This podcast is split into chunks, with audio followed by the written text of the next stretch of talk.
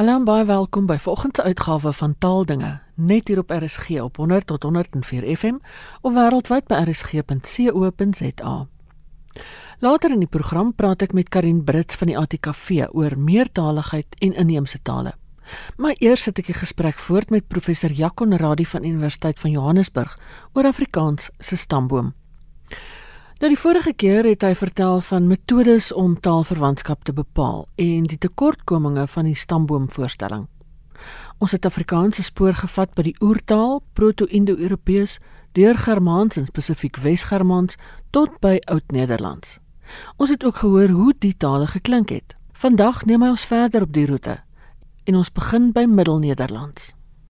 In die in die tydperk 1150 tot 15 50 die laat middeleeue met die opkoms van 'n middelklas in die suide van die taalgebied begin wat ons nou Middelnederlands noem Latyn en Frans as skryftaal vervang en ontstaan daar 'n omvangryke literatuur wat letterkundige werke soos Karel en die Elegast Beatrice van den Vos Reynarde en Mariken van Newmegen insluit. Asook godsdienstige en natuurwetenskaplike literatuur en amptelike dokumente soos stadsverordeninge en eiendomskontrakte. 'n Ou ballade waar die digter treur oor 'n gestorwe vriend begin so. Egidius, waar bist du bleven? Egidius, waar is jy of waar is jy heen? Mi langt na die geselle meen, ek verlang na jou, my maat. Du koers die dood, du liets met leven. Jy het die dood gekies, jy het die lewe vir my gelos. Hierna breek 'n nuwe tyd aan, gekenmerk deur die renessans en hervorming, die ontdekking van nuwe wêrelddele. Die noordelike gebied, die huidige Nederland, beleef in die 17de eeu 'n goue eeu van groot welvaart. Die Verenigde Oos-Indiese Kompanjie kom tot stand en begin die handel in die ooste oorneem. En in die proses word die Kaap 'n verversingsstasie. Letterkunde en kuns floreer, die standaardisering van Nederlands neem 'n aanvang. Die groot digter Vondel waarsku teen vreemde invloede wat die musiek der tale, die eie klank van die taal bederf maar dit is nie die gekunstelde hoogdrawende gestandaardiseerde Nederlands van die tyd wat die grondslag van Afrikaans sou vorm nie. Want dit was gewone mense matrose handelaars werksmense boere wat in die Kaap gekom en gegaan het. Dit was seemanstaal dit was handelstaal. 'n besondere fonds gee ons 'n insig in die gewone omgangstaal van die tyd honderde persoonlike en ander briewe wat tydens oorloë tussen Nederland en Engeland in die 17de en 18de eeu op gekaapte Nederlandse skepe gevind is het in 'n Engelse argief uh, beland en kan vandag uh, ontleed word. Die volgende is dan uit die 17de eeu. 'n Ma skryf aan haar seun dat sy bly is dat hy behouden, dis nou veilig aan die kap gekom ben. Daar sien ons al klaar 'n die in plaas van die Nederlandse de en die verlies van 'n te t uh, na ben. Iemand anders skryf ek het 3 briewe van u gehad en ek het ook u twee briewe gestuur. Nou daar het ons nou twee voorbeelde van het in plaas van heb en ook die w van briewe is 'n duidelike w wat 'n uh, ander klank as in uh vandag se Nederlands voorstel. Dit wemel ook van die i vir kleinwoorde in plaas van die Nederlandse j. Briefie, skepie, meisie, kindie, wyfie. Op sommenderwys dan professor, hoe het Afrikaanse roete geloop? As ons die beperkings en kortpaadjies van die stamboomvoorstelling in gedagte hou en net die Nederlandse basis as uitgangspunt neem, het taalverandering langs die volgende roete tot Afrikaans gelei. Proto-Indo-Europees, Germaans, Wes-Germaans, Frankies, Oud-Wes Neder-Frankies, Middel-Nederlands, Nieuw-Nederlands, spesifiek van die 17de eeu, Afrikaans.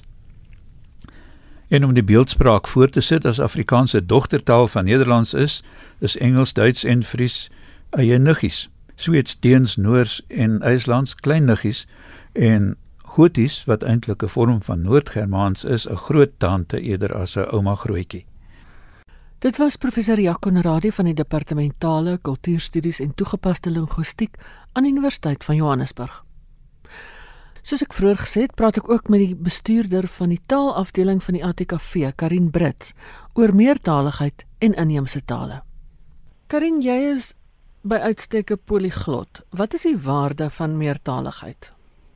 Dit is vir my eintlik net omdat dit lekker is, maar daar is natuurlik ook waarde want mens doen dit nie altyd net omdat dit lekker is nie.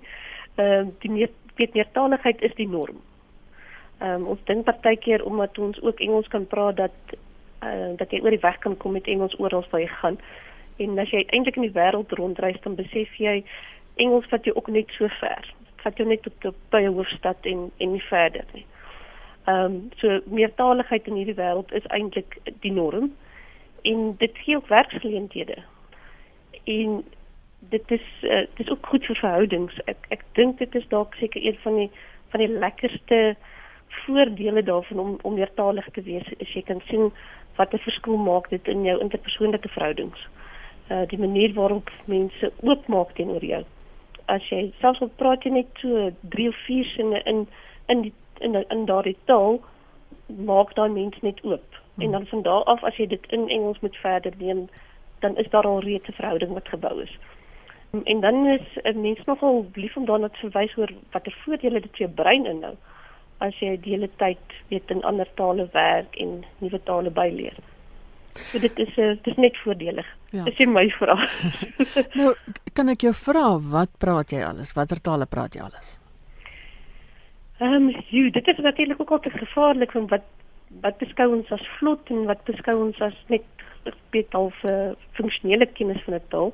Ehm um, maar ek sal seker sê so 'n bietjie Afrikaans en dan en dan dan Engels.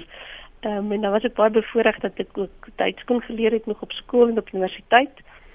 Ehm um, ek het ook um, kan um, Sotho praat en dan Sotho se se susterstaal ehm um, Tswana wat eintlik relatief maklik is omdat hulle dieselfde taalfamilie is, so mense kan maklik aanpas. En dan ehm uh, Pools en ja, ek kan net 'n bietjie skaam kry. maar dit is altyd lekker as jy nou maar 'n taal en 'n taalfamilie leer ken. Uh, dan maak dit mos nou makliker en dan het ek dan 'n daar 'n redelike kennis van Spaans en en Frans. Ja, dis so min of meer. nou ja, dit is glad nie om oor beskeie te wees nie. Nou die belangrike ding is dat jy ook van ons inheemse tale 'n baie goeie kennis van het en kan praat en so aan. Is daar ook internasionale erkenning vir die belang van inheemse tale? Um, ek dink dit begin al hoe meer toeneem dat mense weet belangstelling toon in in tale en dan inheemse tale. En, en dit maak my eintlik bly as jy nou sien dat die VN nou hierdie jaar verklaar het tot die internasionale jaar van inheemse tale. Ja. Ehm um, en dit is 'n uh, partykeer doen mense dit uit sentimentele redes omdat dit vir mooi is, maar daar is tog ook 'n groter doel oor hoekom inheemse tale belangrik is. Ek gebruik graag die die voorbeeld dat 'n mens biodiversiteit nodig het vir die wêreld se voortbestaan en so het jy ook taal en kulturele diversiteit nodig vir vir ons voortbestaan. Ja. En ehm um, die vier het nogal eintlik vir my goeie redes gegee oor hoekom hierdie jaar so belangrik is en hoekom inheemse tale belangrik is.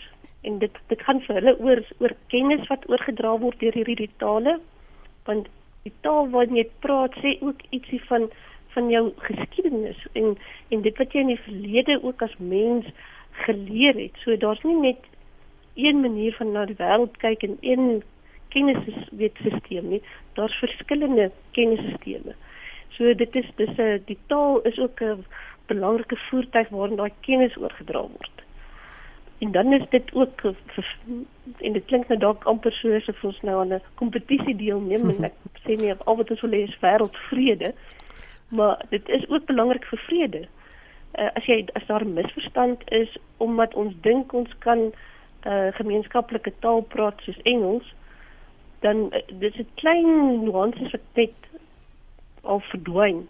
So dit is ook belangrik om tog jouself in 'n inheemse taal te kan uitdruk en jy daardeur kan uit, dit kan uitdruk en mense te kan sê wat jou behoeftes is.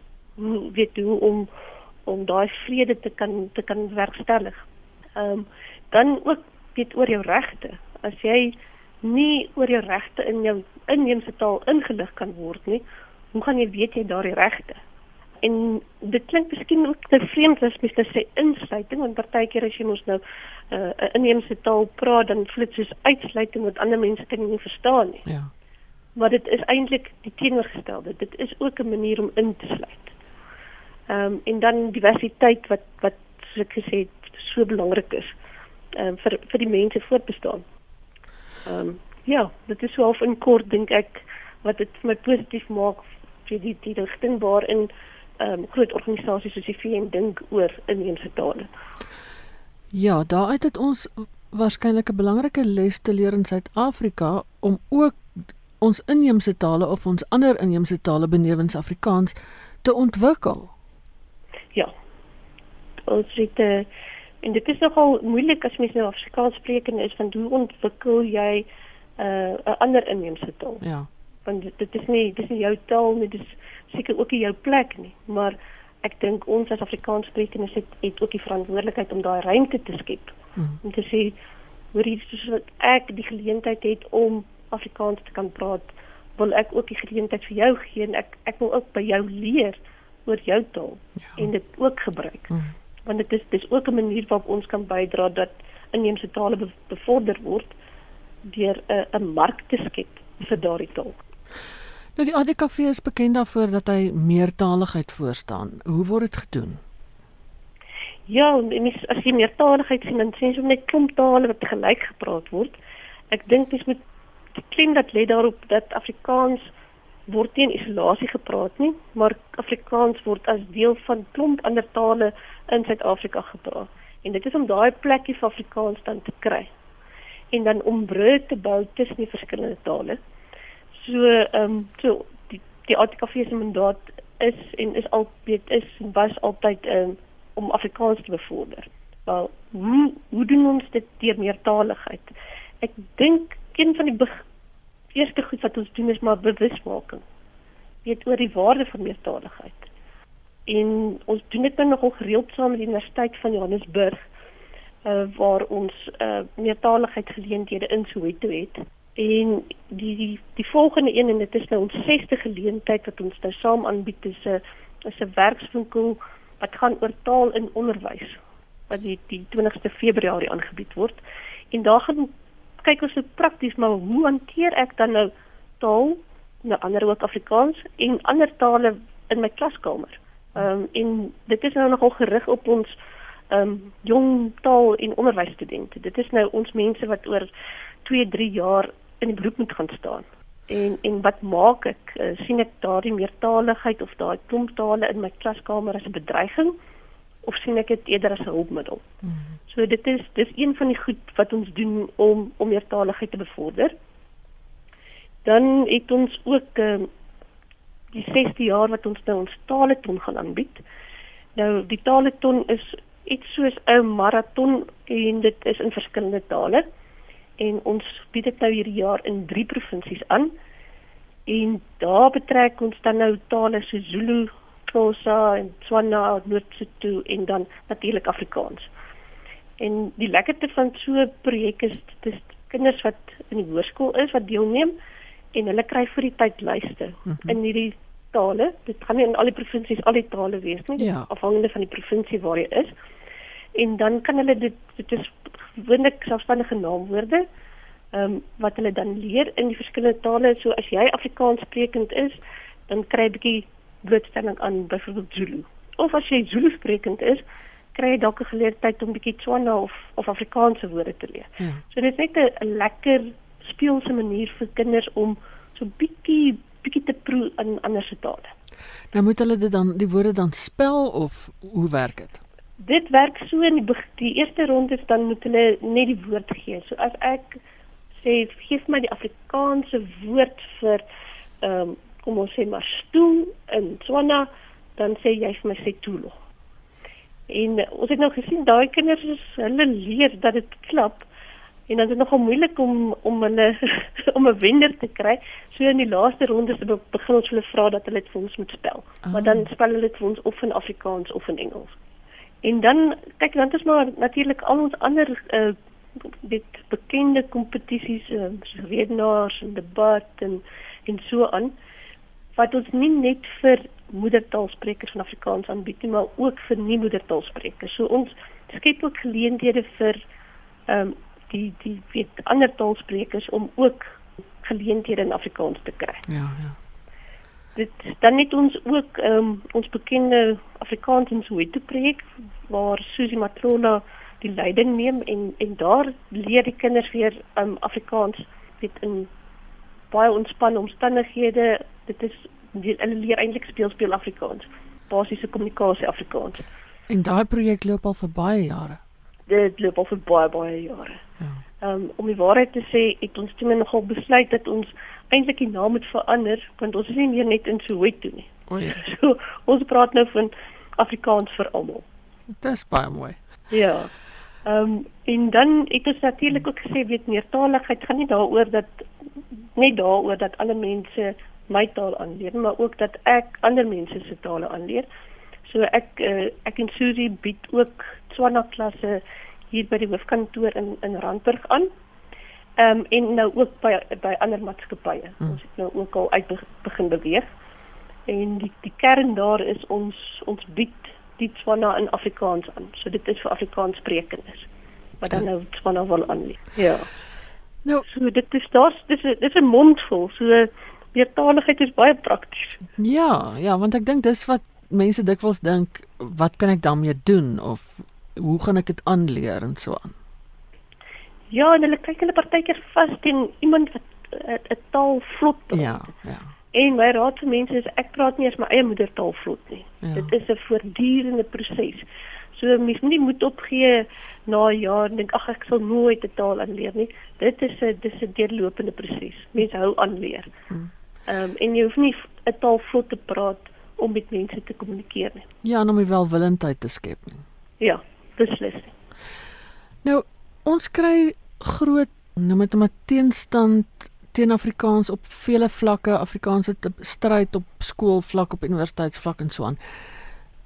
Hoe kan ons inheemse tale bevorder sodat al hierdie tale gelyk lopend op universiteit of op hoërskool en op laerskool gebruik kan word. Ja, um, mens moet eintlik daardeur net eintlik begin deur net tale weg te vat en dis ongelukkig wat mos nou maar gebeur by universiteite. In plaas daarvan dat daar nou tale bygevoeg word, word dan nou tale weggevat. Ja.